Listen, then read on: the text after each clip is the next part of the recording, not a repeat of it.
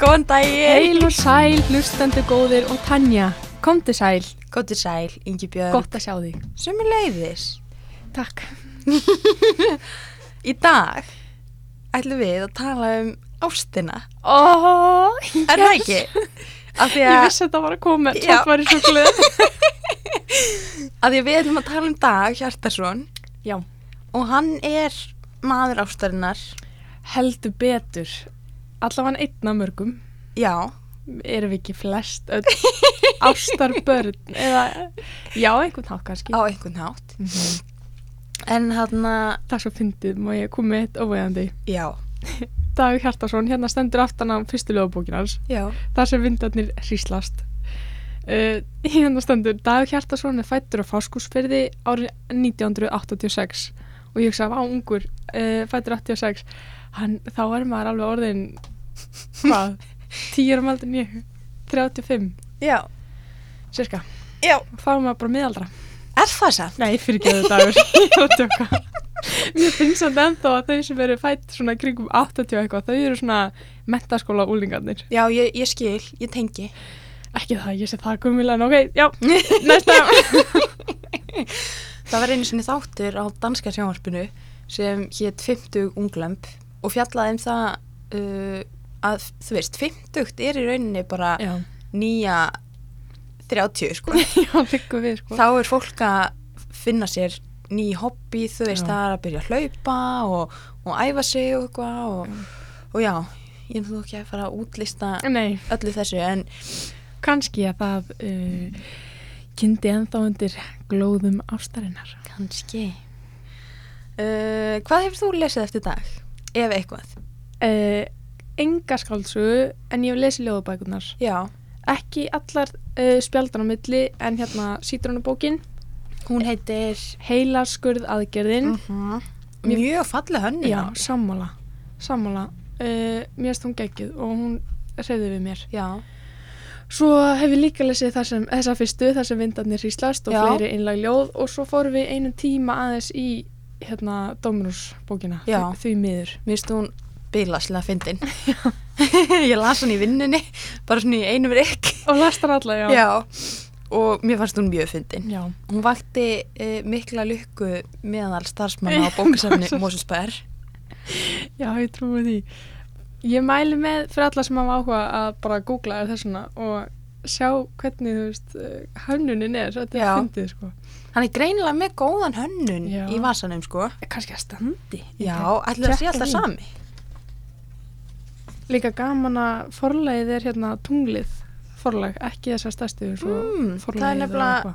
Ég sitt hérna með síðustu ástarjáfninguna fyrstu mm. skáldsjónans í höndunum Það er Jóð Pjöfaf Já. Kápa og bókar hönnun Ragnar Helgi Ólásson fyrir því miður dómnarsbókina Það er Emilía Ragnarsdóttir hjá uh, fyrir síðustu ástarjáttninguna. Það er kannski dóttir hans, Ragnars.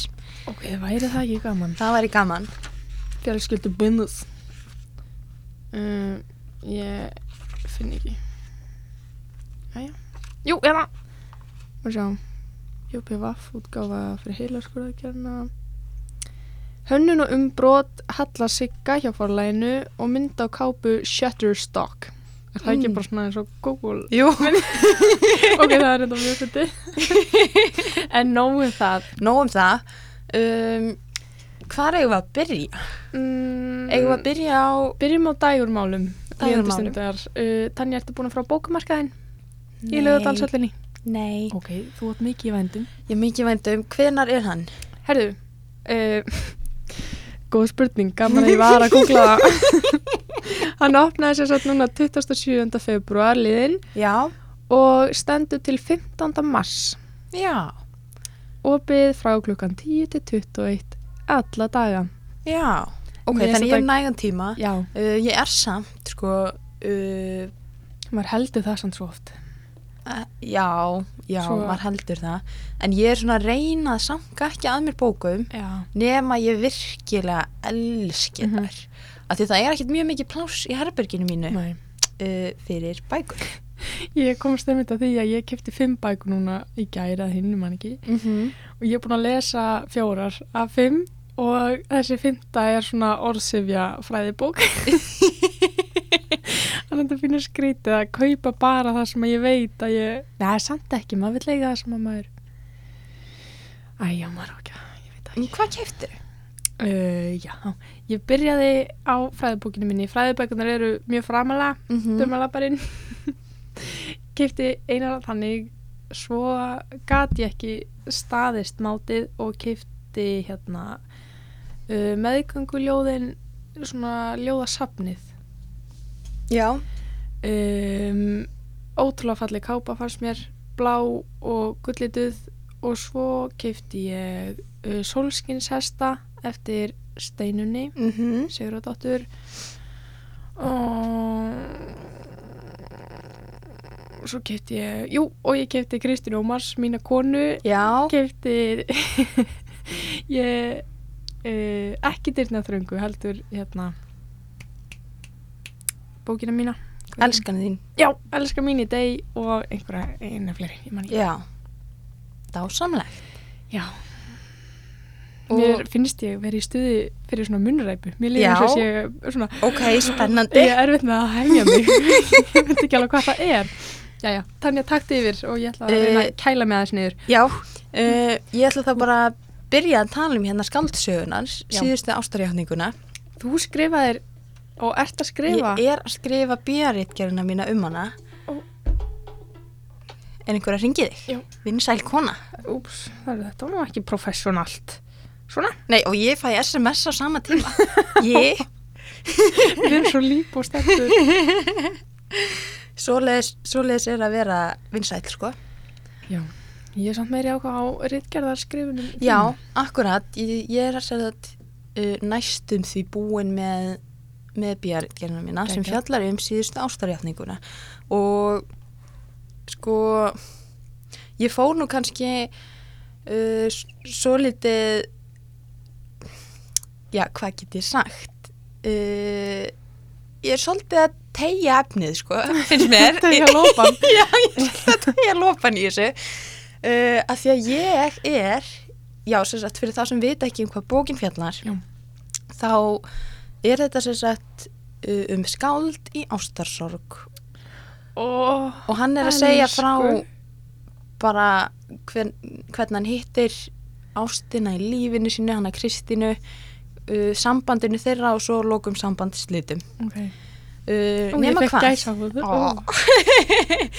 nema hvað að það er skáldið sem er að skrifa skáldsöguna Mhm. mm -hmm. skilur við, þetta er svona sjálfsaga þar sem aðalpersona bókarinnar er að skrifa bókina Já, já, já, og við fáum alveg að vita það við fáum að vita Já. það, hann er mjög ofta minna lesendur á það Já, og það sem ég er að gera í minni rítgerð Mm. uh, er í raun og vera að færa rauk fyrir því að hann sé að skrökva því að okkur allir þessir ástarsög Vá. já, hvað sem að draga trúverðuleika sögumanns í efa já, alveg alveg að því að það er margt finnst mér Mhm. í bókinni sem er svona hmm, stemmir þetta já ok og í fyrsta lagi er ég náttúrulega að benda á, hann tekur það fram að hann er að skrifa skáldsögu hann er ekki að skrifa æfisögu eða minningabók eða dagbók hann er að skrifa skáldsögu sem að lætur mann strax hugsa þetta er ekki alvöru, þetta er skáldað og það er svona margt annað í henni sem að ég potar svolítið í Uh, stundum finnst mér ég vera eins og ég sagði að tegja mig svolítið með þetta sko sko, en mér finnst það oft í þessum reitgerum sem við erum að gera í náminu uh, mér finnst ég stundu vera búin að segja allt sem ég hef að segja í 700 orðum sem er kannski Já. rétt tvær blaðsýður svo á maður eftir að skrifa fimm blaðsýður viðbót já, og þá byrja maður eins og glöggi lesist og sjáir eitthvað bla bla bla En Já. það eru líka bara óprofessional vinnubröð Nóum það í- já en já, ég sér að ég las þessa bók fyrst ég tók hana af hana bókavagni sem við erum með á bókasamnu við erum að selja sér að bækur á 100 krónur stykkið fyrir utan bókasafnið Mm. upp í mósó upp í Mosó Mm. Já. þannig að ef þið viljið ódýra bækur uh, þá mæli ég með vagninum það er oft þú veist, bara nýjar bækur fólk að koma inn til okkar sko með bækur sem að það er kannski búið að lesa einu sinni og bara vill ekki eiga og ég sem sagt tók hann af vagninum, kipti hann með mér í frí til Teneríf Já. og las hana á Solbeck við Sundlaug bara á Ó. einum degi, ég bara spændi í gegnum hana ok. og það er sko ég sagði við einhvern bara þegar ég var búin að lesa hana eða ég var að tala um hana að mér fannst í rauninni ekki skipta máli um hvað sagan er Nei. það snýst allt um hvern hún er skrifið Já, hún ég er er svo- sammála því oft. textin er bara ótrúlega flottur Já, hann er ljóðunrætt og, og, og skondin, hann er svolítið nýttin léttur, já. já og Það er einmitt gaman, mér er svo gaman þegar að einmitt fólki text að skrifa einmitt svona ljóðrannan og fallegan texta en hann verði ekki of þungur og Já. langur og svona rosalega hlaðinn. algjörlega og hann leikur sér alveg að því hann já, hann bara, hann leikur sér að orðunum hann leikur sér með formið Já. til dæmis með því að vera alltaf að einhvern veginn poti í lesandan og bara hei, þú ert að lesa skáldsögu, þú ert að lesa skáldsögu og hann notar svolítið svona svolítið klísjur og er mjög meðvitaður um það hann Já. segir til dæmis á einum stað uh, sem sagt aðal karakterinn að uh, þetta var eitthvað með rigningu og að það hefði farið að hellirigna eins og gerist hjarnan í íslenskum skáldsögu þannig að Mér finnst það fyndin, mér finnst Já. ljóðin hans mjög fyndin og ég hef ótrúlega gaman að þeim. Mér finnst hann líka sjúkla fyndin á Instagram þegar hann Ó. er að gera svona story, það gerist ekki oft, en þegar hann gerir það, þá er hann ótrúlega skondin. Ég mæli mér. Á Instagram, Á ég þarf að fara að Instagram. leita meira að fólki. Má ég lesa eitt stutt ljóð? Já, Þetta er fyrsta ljóðið í þar sem vindarnir uh, ha? og hvað byrjum við klippum þetta ég las textan vittlust Nú? Bókin, ok, nú við klippum hér þetta eru bara Nei, nei, hvað, hvað? ok, það, þetta eru fyrstu ljóðbókina sem veitir þar sem vindarnir kvílast, ég held ég að við sagt hríslast áðan Mm, ok, það er bara fyndið. okay, ef Það að- er náttúrulega framan og það er svolítið svona Já, skrautskrift, þetta er sko. ekki auðveld Ekki auðveld. ok, Ekki- ég ætla sem sagt að lesa fyrsta ljóðið í ljóðbókinni þar sem vindarnir kvílast og fleiri einleg ljóð uh, það heitir líðan stundum líður mér svo illa að mér finnst eins og ég búi í breiðholtinu eins og hjarta mitt sé bara herbyggi í risavaksinu blokk Vá. þetta er eitthvað svona sem mér hefði aldrei dótt í hug að skrifa mér finnst þetta ókvæmstlega fyndið Vist, mér finnst hann oft gera eitthvað svoleiðis. já, Ég held að sé í þessari bók líka Mér langar að þú finnir það Já. Eh, Manstu eftir ljóðinu sem að var Pollinn. lesið Já, Já. akkurat Ég- Mér finnst það geggjað ég var að horfa á tunglið Já, Ok, það er, já. Ég var að horfa á tunglið speiklast í podli þegar þú komst gangandi á móti mér. Djöfullin, sagði þú, en ég sagði, elskan, hafði ekki áhyggjur. Þó annars skórin sé blöytur því í kvöld hefur þú stíði fæti á tunglið. mér finnst þetta sniðugt sko Mér finnst þetta mjög sniðugt Æjá, hann er krútlegur. Maður... Já, Á, Ok, krútlegur, kannski vil fólk ekki vera að kalla krútleg. af hverju ekki? Já, góð spurning. Er það, er krútlegt eitthvað svona Er það að draga úr uh, þínum verðleikum? Og alvarleika og, Ég held að og fólk takið alvarlega Sigurður Nordal og gömlu fræðingarnir vildu kannski ekki vera að kalla það krútlegir. Já, En- en, það er spurning svona af hverju Já. ekki. Mér finnst gaman að vera krútlegur sko. Mér finnst það líka. Pappa finnst ótrúlega gaman þegar ég kalla hann krútlegan. Já, Það er svo að hann hafi ekki fengið með sér að það er ekki cool að vera krútlegur. Þannig að þetta er kannski bara, nú bóðum við nýja stefni Ingi Björg. Já. Það er cool að vera krútlegur. vá, fyrir mér hægferð, árið geggjað. Herðu, um, já, Já, þetta var þar sem vindarnir kvílast kvílast, ekki hríslast, um, og þarna sáum við sko ástina svolítið byrtast í Já. setna ljóðinu já, það fjallaði svolítið um um ástina að það, einhverju já leyti. var það ekki mitt ef maður lesi nút í gegn þá er bara flest hljóðin fjalla á einhvern hátt um ástina Jú, og maður gæti haldið sko að það er því þreytt og væmið en mér finnst uh, mátin sem maður gerir það á Já. gera það ferskt og nýtt sko. já, algjörlega Ég fæ ekki svona klísju tilfinningu af því að lesa lesa það sem maður skrifar um ástina. eins og hérna já, sem veitir geggjaðasta ástasaga veraldar Elskan lífið er kraftaverk sjáðu, Íslenska ríkið hefur lagt veg frá heimili mínu að heimili þínu Vá! takk Íslenska ríkið já, mér finnst það skemmtilegt Þetta var fallegt. En Þetta svo- var mjög fallegt. En mér finnst þessi sko ólík, þessi ljóðbók, mér finnst hún alltaf öðruvísi og frábriðin heldur en til dæmis heilaskur aðgerðin Já, sem er, finnst mér þingri og náttúrulega kannski fjallar um erfiðari hluti já, þannig að hún verður kannski alltaf einhvern veginn aðeins einhvern veginn svona þingri aldan, undiraldan í henni já. og svo finnst mér því miður vera uh, meira svona eins og ok, vá uh, enginn að móðgast ég var næstu búin að segja eins og meira svona fimmur að brandari út í gegn sem þetta er náttúrulega ekki þetta er kannski meira en það Mér finnst svona En hún er sniðugt. fyndin. hún er fyndin, Hún er hún er sniðug. skemmtileg Á ég að lesa eitt úr henni? já, endilega Ég ætla bara að grípa hérna uh, niður af handahófi. Þau eru sem sagt öll nafnlaus ljóðin og byrja öll á því miður. Og fyrir þá sem að ekki vita hvernig hún lítur út, þá lítur hún út uh, svolítið eins og dominósmatseðl. já. Svona laung og mjó og Dominos logoið er eiginlega bara framan á já, mæstum því sko. og svo eitt svona tár.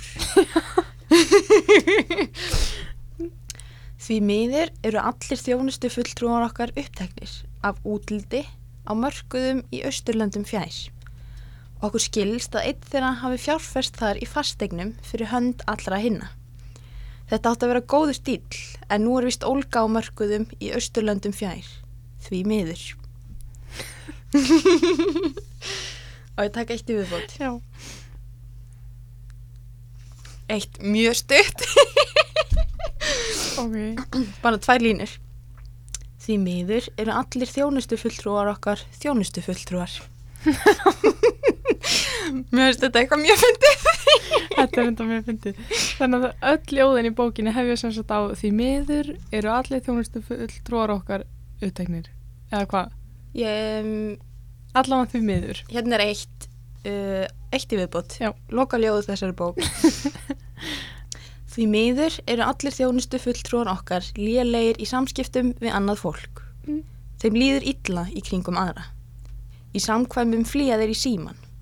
Þeir forðast að opna skilaboð á samfélagsmiðlum. Ef skildmenni gengur inn í matvöruverslunina, býða þeir færis, skilja svo körfuna sína eftir og laumast út. Jafnvel þótt karfan hafi verið full af kælifurum. Af hverju vinna þjónustu fulltrúar okkar þá við að tala við annað fólk? Þeirri spurningu getum við því miður ekki svarað, öðruvísi en með því að vísa í síðustu starfsmannakönnun sem bendir til þess að þeim líði öllum því miður mjög illa í Æ. vinnunni. Ó, Mér finnst þetta dásamlu bók. þetta, er- þetta er enda mér fyndið. Já. Og líka vísunin fremst, sko, það sem sagt alveg fremst í bókinni þá kemur rullan sem að, uh, hana, kemur alltaf þegar maður ringir í einhverja svona opinbera stopnun. Því miður eru allir þjónustu fulltrúar okkar uppteknir. Símtölum verður svarað í þeirri röð sem þau berast. Atvið að símtalið kann að vera hljóðritað. Mm já, ég, ég fíla svona svolítið, já, þessa nýttni og, og það er, mér finnst eitthvað kaltæðið við þetta, sko. Já, það er það náttúrulega. maður, ég held sko, eða, ég, ég veit það ekki, en ég er bara að hugsa, maður kannski skrifar ekki í dag heila ástabók, eða ástaljóðbók nema að sé eitthvað mei, eða svona aðeins Já. annað líka.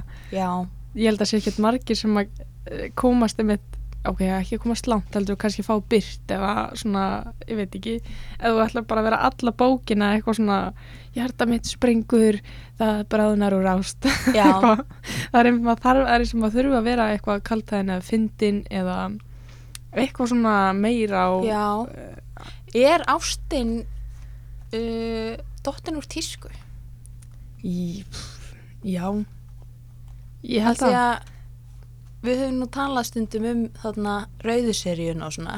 Já. Mér finnst ákveðið svona, mér finnst ákveðið fordómar fylgja því. Uh, rauða serían er náttúrulega kannski ekki bestu skrif sem að maður finnur mér finnst það meira eins og sko tilfinningalegt klám rauða ástaserían Já, við höfum nú í huga að lesa eina bók. býðið spennt eftir þeim þætti Já, en já, mér finnst svona, ég, ég er með það á tilfinningunni, uh, þó að það sé kannski ekki rétt, ég veit það ekki. Nú Mhm. Nei, fæ- þetta er staðurinn sem við köstum fram hugmyndum Já, ég er með það á tilfinningunni að bækur sem eru ástarsögur Mhm. uh, myndu fá myndu ekki fá bókmentaverlun til dæmis mér finnst svolítið að þessum nýju bókum sem eru að koma Mm. um, þá, þá er þessi formúla eitthvað svona ástarsaga, þú veist það enda einhverju saman hérna, mjög hamingjusamir og, og ástfangnir hún er bara algjörlega dottin úr mér finnst allir vera að skrifa um Já. uh, eitthvað svona tilfinningalega lélegt ástand sem að breytist í rauninni ekki í gegnum bókina Já, ég er sammála sko á einhvern nátt eins og mér finnst í tísku í dag að vera svona að skrifa um ótrúlega hverstagslegan raunveruleika. Já. og þar passar ástin greinilega ekki inn Nei. Mér líður eins og enginn myndi taka skáld sem skrifar bara svona Já. típiska ástarsögu alvarlega Ég hérna, í framhald þessu langum að segja frá uh, íventi á Facebook Já, sem hætti Sparibóllin, bókaverlun fyrir fegurstu ástajátninguna. vá En ég, sko, þetta var haldið, ég man að ég misti af þessu, ég var að gera eitthvað, ég held ég að fara í bíó eða eitthvað, ég man ekki. Þannig að þetta var á dögunum, þannig Já. að það er allan velun fyrir fegurstu ástajátninguna. Ok, og ertu með uh, tilnefningar? Ehm, Ársins í ár? Nei, ég þarf að skoða það eins betur. Já, Mér er bara svona, þetta flög í gegnum huga minn. En hérna, hérna, hérna kynning á þessu, ætlum ég mig ekki að lesa þetta. jú, Jú. uh, bla bla bla, svo kemur sparibóllin uh, nefnast ný íslensk bókmentavalun veitt bestu ástalýsingunni í íslenskum bókmentum ár hvert. Lýsingin má standa stök eða vera hluti af stærra verki. Hún má ná til andlegarar ástar og líkamlegarar ástar melli karla, kvenna, barna, dýra, ættingja, vina, skipa, flugvila, fólksflutningsbifriða og svo framvegis. vá Eina skilirðið er að, það, e, er að hafa komið út á prenti eða í öðru bókaformi á árinu 2019. Það er samlegt Já. Vá, mér langar að vinna þessi velin Nú setjum við allt í gang. Þetta er markið mitt Ég held ég yrði að einhverju leiti gladari að fá þessi verðlaun en íslensku bókmyndaverðlaunin. Já. Ég er bara, ég er romantíkus. Já, það er skemmtilegt. Ég finn ekki í fljótu bræði hver vann í ár. Nei, nei, nei, það kemur síðar. Jú, ég er búin að finna það. Já, Vil ég heyra það? já, Uh, maður sjá. Uh, þetta var sem sagt februar, maður sjá, já, 28. februar. Þá postar sparibóllin á Facebook. Í gæri var gert uppvíst hver hlaut sparibóllan 2019. Raunar setti ve veðrið streikireikningin svo ekki var hægt að afhenda greipin en það býður betri tíma. Eftir mikla vanga veldur dómnendar var ákveð að veita Rögnu Sigurðardóttur bollan í ár fyrir bókina Vetrargulrætur. mm, Skemmtileg til hamingi Ragnar. vá, dásamleg. Já, þetta eru æðislega velun. Ég mér finnst þetta ótrúlega Líka skemmtilegt. flott nafn, spari pollin.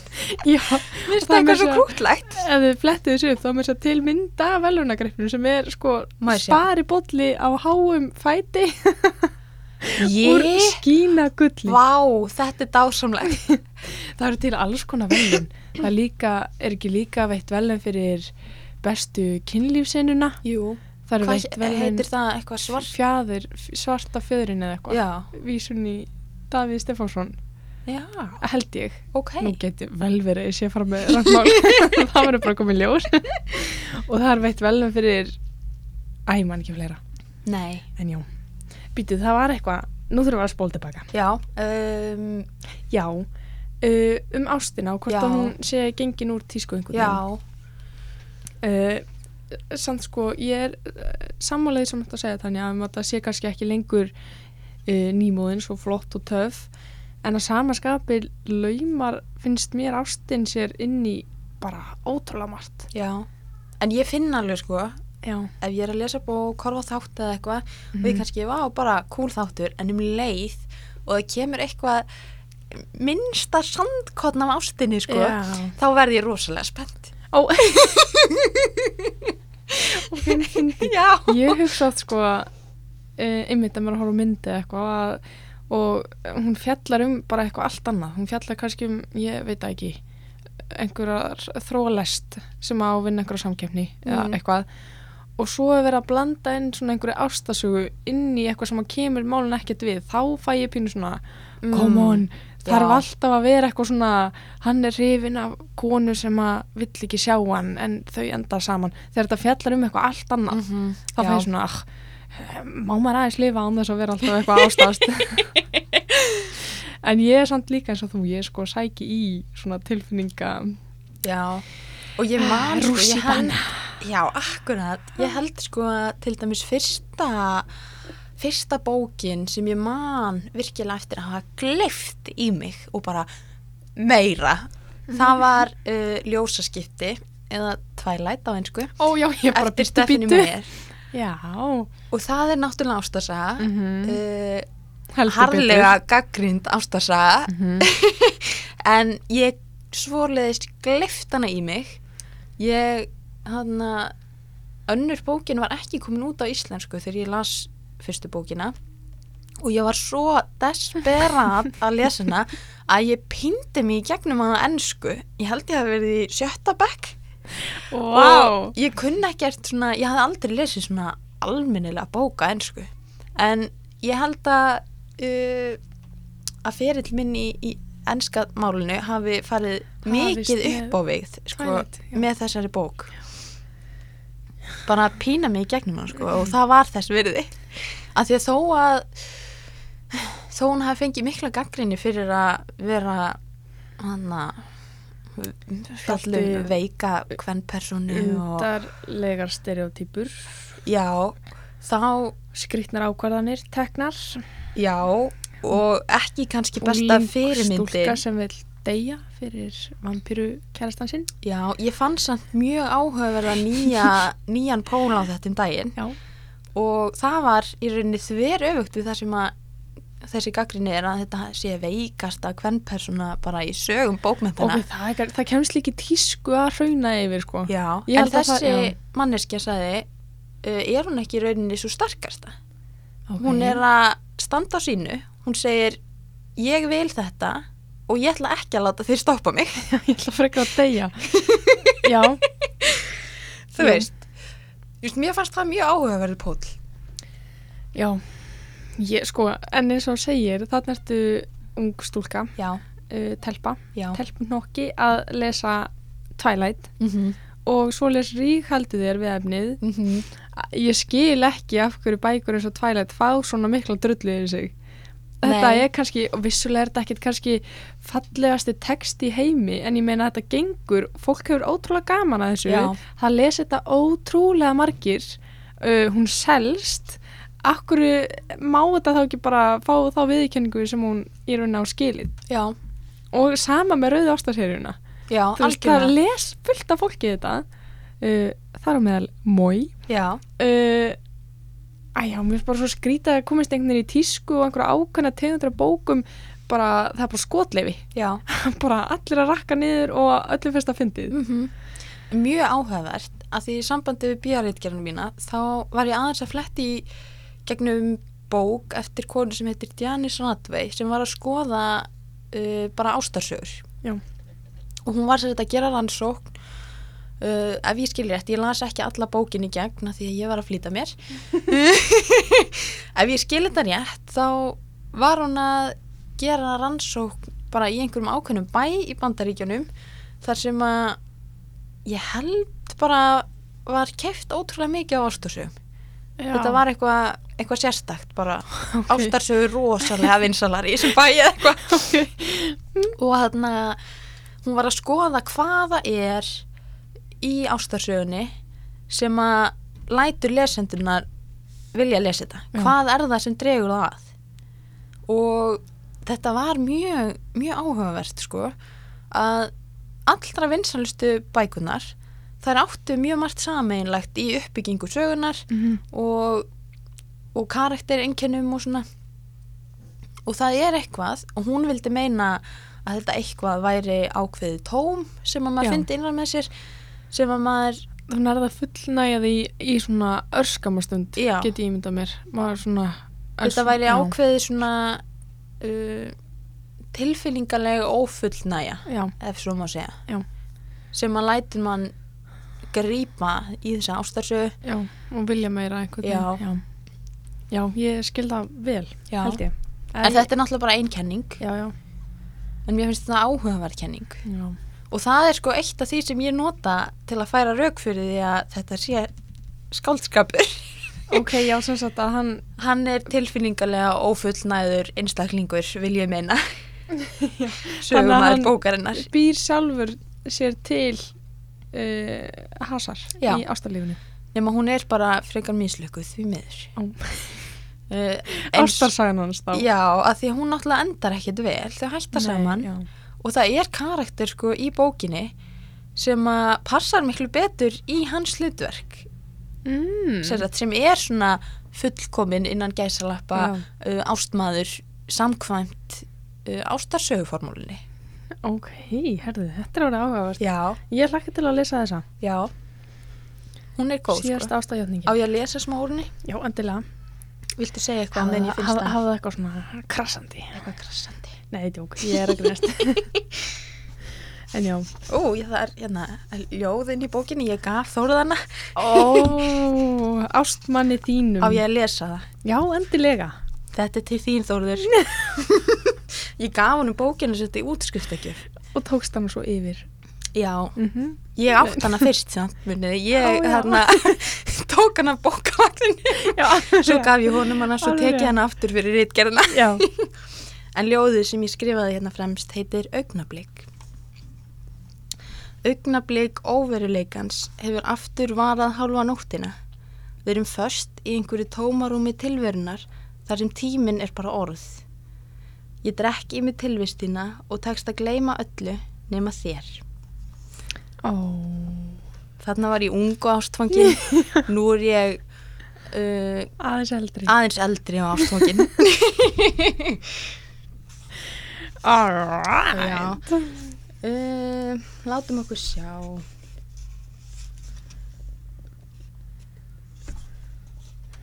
Já, þú mátt halda áfram að tala núna. já, Guð, ég veit ekki. þetta er aldrei bara ég veit ekki hvað ég var eitthvað þykjast verið með munræpu ég er eiginlega bara skollin í baklás ég ætli ég sé ekki bara svona feimin í dag Ég Já, held að- það getur það er verið. komið nýr mánuður um, sumir kannski búin að fótborgað Já, ég fekk útborgað á förstu daginn, bara langt fram í tíman. til hemmingi, Þa, það maður álíka að fá útborgað uh, á síðasta virka degi mánuðarins ef að fyrsti Já, lendir á akkurat. uh, helgadegi bara svona ef að þið viljið fara í stjættafjölin ykkar með það þá var það alltaf sniðt maður á að standa á sínu og ekki láta vaða yfir sig og ég mæli líka með ef að þið einhver hann úti er að fara að sækja um vinnu að uh, bara í fyrsta sinni sem þið hittið verðandi hvert er í komið Tanja í fyrsta sinni sem þið hittið uh, tilfónandi vinnuveitanda að bara spyrja hreint út um laun uh, hvernig vinnutímarnir eru og fleira og vera ekki tveimin og ekki hugsa ó, ef ég, það er frekja ef ég spyr heldur bara að komast það í sig fyrst Já, akkurat. bara ef þið þurfti smá peppin í sumar vinnunar Ok, ok, ok. Tanja, take it away. Já, ég ætla að lesa hérna af blaðsíðu 54 til kannski 56 eftir í hvernig mér líður. Úr uh, þriðja kapla annars hluta, þetta bókin sem sagt skipt niður í held ég fimm hluta og þessi hluti heitir meistaraverkið og kaplinn, þriðji kapli, heitir þriðja stefnumótið. Mm. Það var þegar dagarnir voru í mestalagi andartak sem kann ekki að taka enda. Andartak þar sem er bara andað inn. Fyrst andar maður inn, það er að elska, svo andar maður frá sér og þá koma orð sem verða að skáldsögu. Skáldsögur eru andvarp. Kristín var tilbúin þegar ég hringdi bjöllunni. Kom niður í blárri kápi. Guð mig góður, ég vissi ekki að ein kápa gæti rúma það sem blokk af Nobelskáldum tókst ekki að orða á heilli starfsæfi. En þarna stóð hún, stelpan sem ég elskaði, sveipuð fegurð heiminsins. Verður þér ekki kallt bara svona á jakkanum, spurði Kristín þar sem við fjarlægumst draumhúsið. Alls ekki, sagði ég, en fann samstundis að það var nýstingskvöldi. Ég hafði ekki tekið eftir því þegar ég stegi út úr kjallaranum, sveipaður þeirri hlýju sem líka með ástfangin svitfyrings framleiðir af því að heilin er vanir að bræðast við lífsættilegum fyrirbærum úr fornöld, tíkristýrum og háköllum, en kann alls ekki að bræðast við ástinni. Þegar maður missir fótinn í slísi er heilin til, heilin til þess að maður finnur sem allra minnst fyrir því. Já, fyrirgefið. Þegar maður missir fótinn í slísi sér heilin til þess að maður finnir sem allra minnst fyrir því. Þegar kona segist ekki lengur elska mann er eins og kliftir síu undan manni fætunir. Og þegar kona smegir hendi sinni í manns eigin er eins og maður hafi aldrei mist útlimi, muni aldrei missa útlimi. Tveir hjartastóru hnefar kreftir utanum sömu eftirvæntingu. Þeir er kallt á höndunum, saði Kristín. Kaldar hendur, heitt hjarta, misti ég út úr mér, en Kristín brosti eins og konur einart gera í skáldsöfum lélagra karlhöfunda og við gengum hönd í hönd inn í vesturbæin. Þarna var dæmur svona glísju sem að Já. kemur og hann svona snýr upp á, ok? Eh, Tókum stefnuna í átta háskóla bíói. Kristín saði mér frá því þegar hún kom einu sinni heim aftur jamminu og var læst úti að hún hafi sopnað í stól í garðinum og svo vaknað ísköld undir morgun við hundgá. Það var Davíð Oddsson sem var á gangi með hundin sinn og hún var svo skelkuð að sjá þá félaga Davíð Oddsson og hundin að hún stökk á fætur og rauki átt að útidyrahurðinni sem var ekki lengur læst. Kanski getur óttinn við Davíð Oddsson opnað dyr. Ég tel það þó afar ólíklegt. Hún sagðist aldrei hafa verið viss hvort hana dreymdi þetta allt saman eða ekki en hinn óútskýrði ótti við Davíð Oddsson satt eftir í líkama hennar. Við komum að litlum leikvelli sem falin var á milli gatna. Hingað hafði ég aldrei komið áður. Umhverfið var nýtt, tilfinningin framandi og heiminin. Hann endur nýjaði sig fyrir hvert blík augna okkar. Mér finnst svo notalegt að magga mér hérna, saði Kristín, settist í rólu og leit upp í heiminin. Þegar ég hef rólað smástund fer mér að finnast eins og ég sé kyrr en stjörnuna hreyfist. Hún lá flöt í rólunni. Ég horfði upp í heiminin en kom ekki upp orðið þegar ég sá að stjörnunar skulfu í takt við mig. Svo var fótunum kift undan mér, ég hrundi niður. Ástinn klippur undan manni fætunar. Svart. Skemmtileg. Já, mér finnst þetta mjög skemmtilegt. Já, hann er fyndin. Uh, hvað finnst þér um, hvað finnst þér um að við hoppum beint í heilaskurð aðgerðina? eftir Bara, þetta? mér finnst þetta geggjað. Sko, smá fórsaga. Uh, ég er eins uh, vissum að það sé rétt hjá mér og ég get verið. Mm -hmm. uh, konan hans dags hún greinist með heil, heilagsli og hann sem sagt skrifa ljóðabók upp á því Já. og um, ég ætla bara að byrja að lesa fyrsta ljóð sem að heitir einmitt ástaljóð Ást mín til þín er djúb eins og stígvél þau standa tóm í fórstofunni gljáandi af öllu myrkrinu sem við höfum yfirstíð Vá. fallegt og Mjög. svo langum að hoppa uh, fram, nei, aftalega í bókina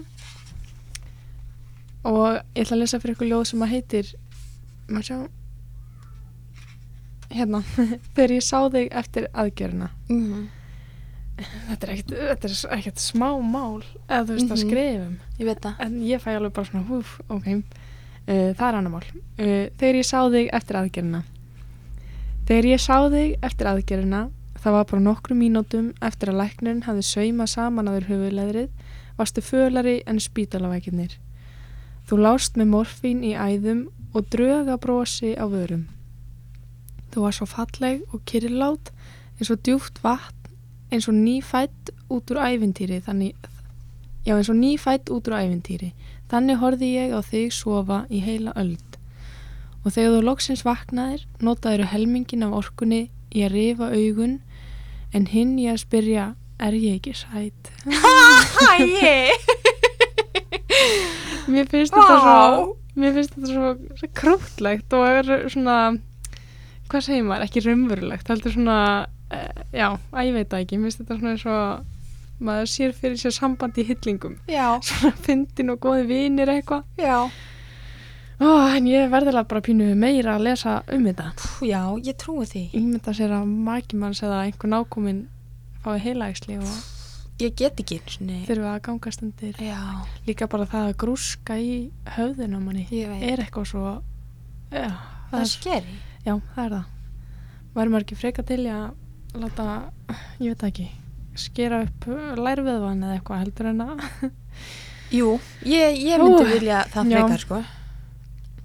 Uh, mér langar að lesa annað sem að heitir bara heila skurð aðgerðin og það það er heldur fleiri en eitt ljóð í bókin sem að heitir bara, eða það er eitt sem heitir aðgerðin já, allavega skiptir ekki máli uh, Við vorum ekki í stríði við dauðan á kvöldin lokuðum við augunum og sopnuðum eins og þegar einhver setur tappan í vassflösku og vatnið er alveg stilt Vá. þetta er svona, ég les út af þessu, þú veist, allar, þú veist, óttin og bara eftirvætningin, tilfinningarnar allar og svo einhvern veginn, þú getur ekki lifað en endalaust, þannig að á nóttinni verður maður einhvern veginn að reyna að svona íti þessu frá sér og Já, þú veist, fa fara að sofa og ekki bara þegar þú fara að sofa heldur bara í lífinu stundum já. þarf maður einhvern veginn að reyna eins og maður getur að svona setja upp einhvern skráp og svona, hú, ok, nú verð ég að halda áfram, annars Já. bara týnist maður Já.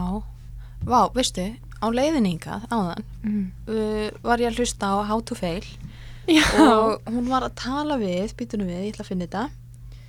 Hún var að tala við um, Mo Goddard. já. Ég veit ekki hver það er. Eða þú veist, ég, það má ég er ekki búin að kynast hlæja um fram aðeins. að til nöfnum Guð. Nei, Mó- eh, Mógadad um, ég er kannski að byrja þetta fram vitlaust, en það er alltaf læg. En allavega fyrsta nafni er bara Mo, M-O. Ok, Og þetta er maður sem að hann var einhver forstjóri hjá Google og var að vinna eitthvað.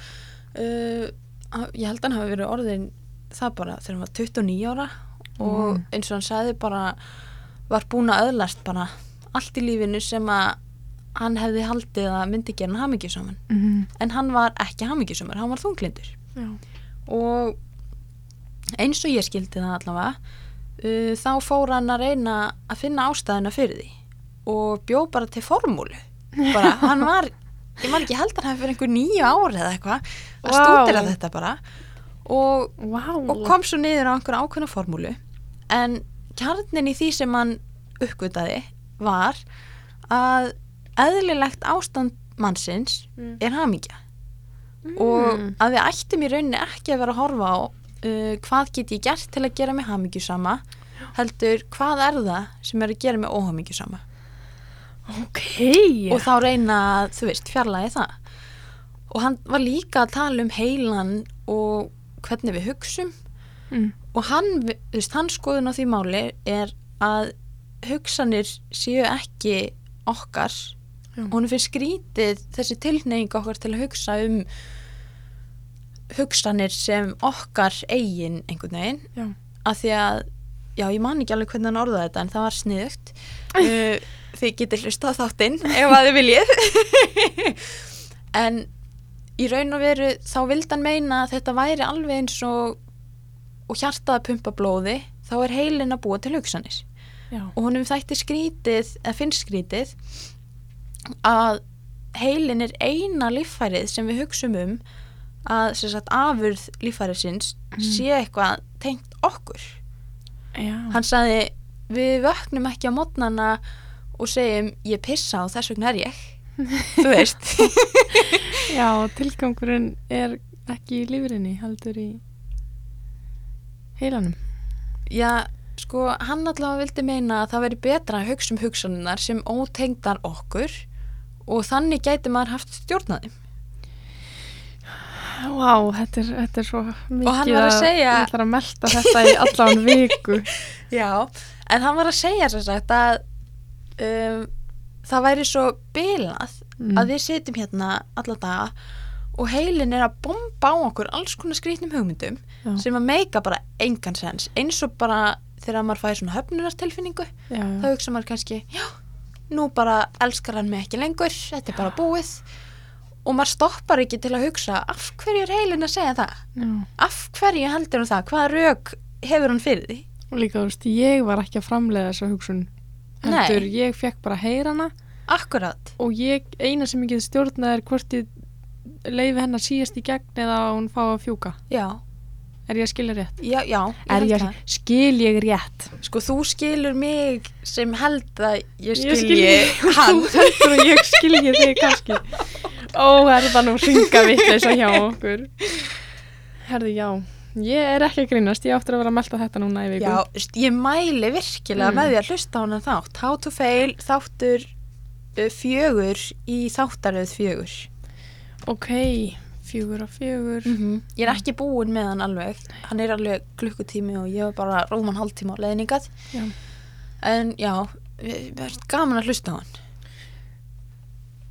Og kannski hann að tengjast svolítið því sem við vorum að tala um uh, síðast um tungumálið, var það ekki síðast? Jú, Þetta með hugsanirnar sem að einhvern veginn bara koma og tungumálið, við höldum að þetta sé eitthvað svona eðlislægt og ég Já. veit ekkert hvert ég er að fara með þetta nei, en það er líka sko En svo er að pínu skondi líka að sama hversu mikið við hugsum að pælum Mér finnst við ofta ekkert komast neitt nær Nei, Eh, þú veist eins og ég get setið hér og velt því endalust fyrir mér hvað sé út í heimingeiminum já, eða hvort hann sé endalus eða ekki en ég er raunni kemist aldrei nær því að vita það nei, sama hversu margir hugsa um það og setja eitthvað fram já, eins og með tungumálið þú veist ég í rauninni ég þarf þá bara að trúa einhverju ákveðnu mhm, og það er kannski munur að þú veist já það er munur á að trúa einhverju og að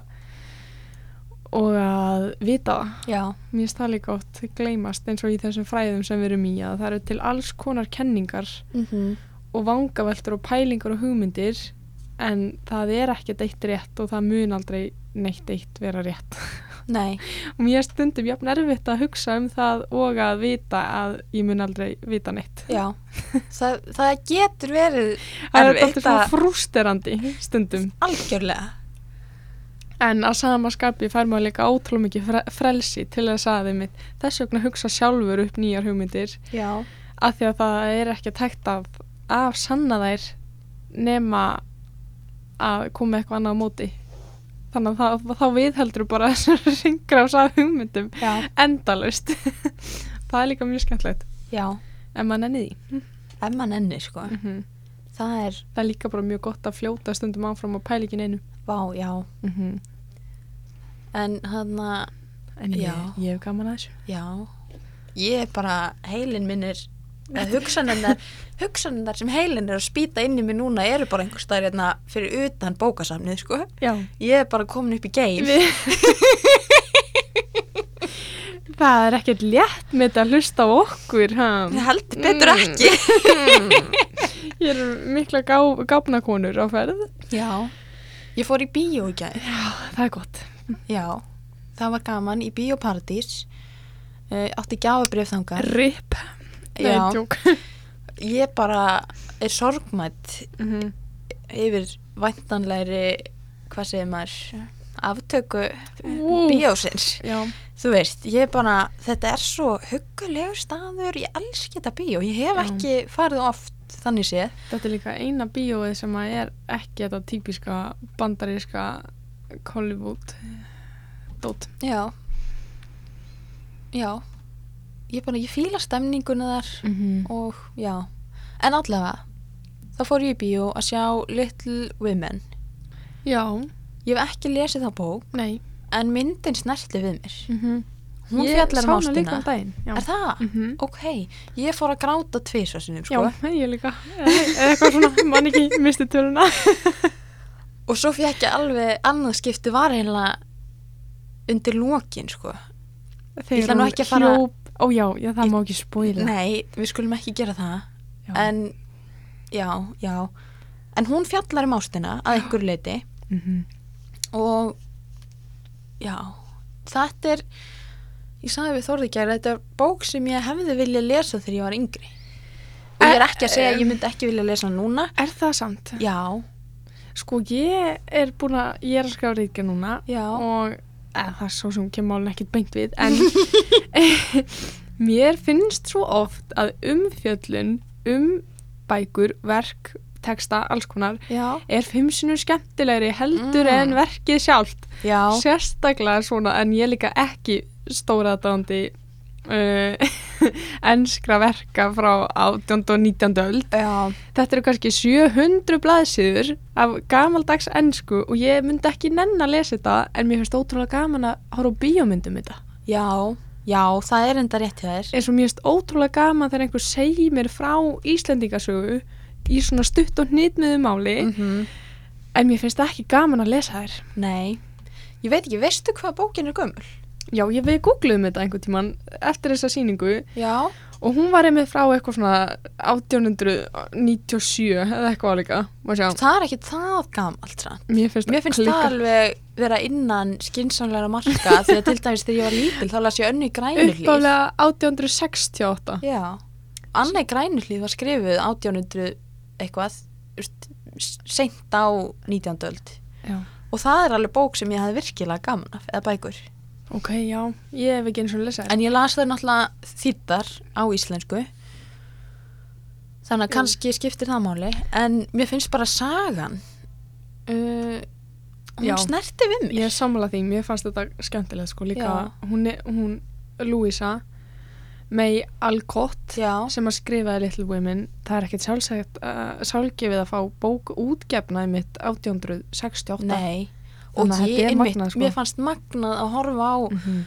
um, það var sem sagt sínt í myndinni prentun, bara prentunarferðlina á bók. Já, Mér fannst það bilað. já, það var skemmtilegt. Búa til, þú veist, þurfa að raða bókstöðunum fyrir Mhm. hverja einustu blaðsíðu.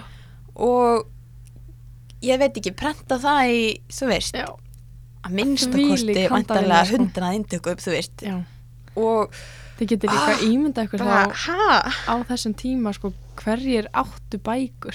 Já, þú veist, það var ekkert sjálfsagt að kaupa bók á þessum tíma þegar svona Nei. ótrúlega mikið vinna fyrir að prenta eina bók geti ímyndið eitthvað verðið og bara vinnuna sem fyrir í þetta já, þannig að, og þá það er líka, það er alltaf skemmtileg pæling sko, þessi svona mm, eh, hástjætta menta bókalisti já, ef það fylgir mér svona, svo, þessi svona uh, top 10 bækur sem þú verður að lesa að Já. hún deild sem er kannski, nú man ég ekki neitt um, ekki rauðarserjan, hún kemst ekki þar inn. Nei, hún kemist ekki þangað en svona gamlir kallar, Já, bandarískir, breskir, svona vestræn elitu bókmyndasaga. já, Ég hugsa oft og hef þetta pottet uh, eftir einhverju sem að kendi mér einhver tíma pottet. mm Um, það er örgulega bara fólk sem að las um fólk eins og sjálft sig, sem sagt hvíti kallar, ríkir, efnaðir sem áttu efni á að kaupa bækur. Þannig Já. að, uh, hvað er hann að segja með þessu? Jú, að um, bókmentir hafa ekkert orðið allra fyrir en bara fyrir nokkrum áratugum, Já. eða árhundruðum, ekki árhundruðum, kannski fyrir hundra árum. já, Eins og, já, þú veist, það eru alls ekki allir hópar sem að ná að speikla sig í bókmentum fyrir nei, tíðar. einmitt, alls ekki. Takk fyrir mig. Veitir Já. hvað erum við? Já, við erum að tala um Við ástina. erum að tala um ástina. Ástina á bókum, ástina á peningum, ástina á völdum. Já, vá. ég held stundum um, að allt illt í heiminum stafa af því hvað fólk getur verið gráðugt það er alltaf Svona fyrir þetta er líðan hjá kapitalismin mér með mann, sko. ha? akkurat Mm. Vist, mín tilfinning er svo að að allt slæmt dreifkrafturinn á bak við það er græðki Já. Vist, þú, sér, þú sér stríð Mhm. ástæðan fyrir því er græðki við viljum meira, við viljum meiri yfiráð kannski ekki núna, ég veit ekki en allavega svona kannski fyrra á öldum nú er ég að henda einhverju fram sem ég hef engar röglegar Nei, E- engar rögsendir fyrir einn, eins og þetta við er segjum tilfinning enn og aftur þetta er staðurinn þar sem við kaustum fram hugmyndum já, og leiðum einhverjum öðrum að grípa þér og Já. halda áfram að Já. hugsa Við- þetta er bara hugveikja já og, og líka þarna ég hef mikla skoðun á fataðinaðinum já, uh, og held að hann drífist svolítið áfram af græðki Vist, ég Já. ger mig grein fyrir því að uh, sumt fólk hefur ekki efni á að kaupa föt sem eru uh, framleitt öðruvísi Mhm. en mér finnst samt afskaplega sorglegt að við sem að eigum nægan penning Mhm. og einhvern veginn, já, við, við erum bara mér finnst við vera að- nei, þetta er samt svo þetta er svo hall ís einhvern veginn að, algjörlega að því að á sam, við- að svo, það er svo létt að vera hræsnari já, finnst mér allir það- eru ræstnar já, og það er um, já, ég er einmitt alltaf passa með að tala um svona mál sem að við kannski munum taka heilan þátt um einhvern tíma já, Eh, það er eitt að segja hluti og annað að gera en Já. á sama tíma er ég í, í peysu úr, úr H&M já, en á sama tíma er ég alveg sammálaður já, þannig að mér er svo erfitt einhvern veginn að uh, tala rétt já ég var mjög lengi Mm. í mörg ár einhvern veginn á sér línu svona, ég var mjög meðvitið um að uh, Mhm. fólki sem er að framlega fötin mín uh, lifir ekki góð lífi Nei. en á sama tíma hugsaði ég mér langar í föt Já. og þess vegna kaupi ég það um, nú er ég komin af þeirri línu ég er hægt að kaupa ný föt Mhm. nema uh, kannski nærföt og sokka þú veist, ég vil Já. ekki kaupa það nota Ha! en þarna já, mér finnst bara, mér finnst bilað hvað er til mikið af fötum í heiminum og Já. hvað við hendum miklu Já. af fötum og hvað ferlið gæti verið öðruvísi Mhm. ef við, va- ef við Ef það værum væri bara ekki fyrir ekki, alltaf gróða. ég vil meira, ég vil meira bæðið af hálfu þeirra sem eru að framlega sem bara ég vil græða sem mest og sem styrstum tíma Mhm. og okkar sem að hugsa það er ekki nóg að eiga 5 stykki af buksum Og og, og, líka- 20 bóli Já. ég vil eiga 300 bóli og fá þá alla á þúsungall já, akkurat hvor fyrir sig Mhm. já, þetta er nefnilega heimurinn versnandi fer þetta já já. en svo sko, ég hef talað um þetta við Þórð og hann hefur til dæmis uh, bendið mér ofta á þú veist, ef að við myndum bara einn daginn bara hætta þessari framleiðslu þá verðum margir, margir, margir sem myndu bara missa vinnuna sína Já. og ekki geta lifað neitt. já Það, er, það eru margar hliðar á þessu Sko- En ég held og ég er ekki með lausnina á þessu vandamáli Nei. því miður, ég vildi að vera með hana já. ég vildi að ég vildi enginn bara væri að fátækur maður og... væri það ríkur að maður gæti haft áhrif Já, það er mér finnst það oft þá eru við Dálítið málið. því miður í rangri grein við getum samt skrifað okkur út úr líðan okkar Já, en Já. lítið gert í líðan annara og þó Já, með því að skrifa já, það er einmitt líka svona er þetta það vestrænasta í heimi að finna til með einhverjum og skrifa ljóðum það oh my þú god veist, já, þetta er einmitt svo, þú veist, þetta er allt svo ræstnaralag Já. þegar maður er einhvern veginn en svo er líka þessi klassíska móthugsunin að gæsa lappa þú veist, hverjum hjálpar það ef að uh, ég er óhemmingisum þú veist, sem að er hljómar dáltið um, sjálfkvært Já, mér er svo erfitt að tala um þetta Þetta er mjög og alveg það er svona beinni útsendingum maður hérna- Já, akkurat, segðu Ég minn einni Við erum komin að hála nýs Æ, við höfum gott að ég.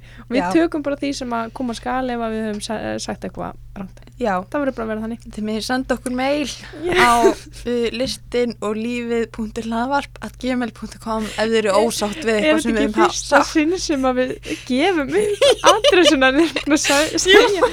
Þið bara, he- þið bara láti okkur, sendi okkur línu. En já. Og við erum þess slags konur að við viljum fá einhvern upp á mót okkur. Herðu, Tanja, Er það ekki? ég er með hugmynd. Já. Hvað Við er kannski fáum uh, flinka, eða ekki flinka heldur svona ödula hlustendur með hana? til að senda okkur ljóðlínur eða eitthvað svo höldum við svona upplestra Já. podcast. Nei, hlaðvarp, úps. Það verður geggjað, vákvað það verður gaman. Ó, gegn. Svo getum við haft samkeppni, haft Vá. velun sem er kannski mynd, innrömmu mynd af okkur. eitthvað áleika. Það er það ekki hella. Jú. Ok, ég er öll komin á flug. Vá. Uh, eins og við segjum uh, gmailið, nei e-mailið er listin og lífið.hladvarp at gmail.com engir íslenski stafir í þessu. Engir stóri stafir, allt lítið. ekki vera feimin, senda okkur línu Já. Eða, uh, segi þetta gott. já, ég er allan ég hef um nóg að hugsa núna Já. Vonandi þið líka. Já. Vonandi, uh, það er nefnilega ekkert grín að fóta sig í frumskógi hugsanana alls ekki. eða kannski á það að vera grín ef maður lítur á það sem grín þá kannski verður það fyrst eh, bærilegt Já. Já, veistu, það var annað sem hann var að tala um hann Mó. já hvað viðhorf skiptir miklu máli mm. og hann var að tala um svo að hann misti són sinn, hann dó þegar hann var 21 árs um, en hann var að Sonurinn. tala um já, sonurinn Já. um, en hann var að tala um sko að þeir hefðu oft spilað tölvuleiki saman Mm -hmm. og sonurinn hefði verið geggjagóður en hann bara svona allt í lagi og sonurinn var alltaf uh, að fara þar sem hættan var og Mm. einhvern veginn, hann Mm. var ekki að hugsa um þú veist, hann, hann fannst skrítið að pappi sinn væri alltaf að reyna að ná einhverju takmarki ná í endan og hann saði við hann, pappi af hverju ertu að gera það við erum hérna að lifa lífinu þú veist, við erum að, við erum að hafa gaman Já. við erum ekki að reyna að komast þangað Já. Satt. Já. Takk ertu með eitthvað, ertu með heilræði fyrir Já, það vikuna er alltaf ekkert að ná í heilræði. já, Heilræði dagsins í dag er brosum, hlæjum, njótum.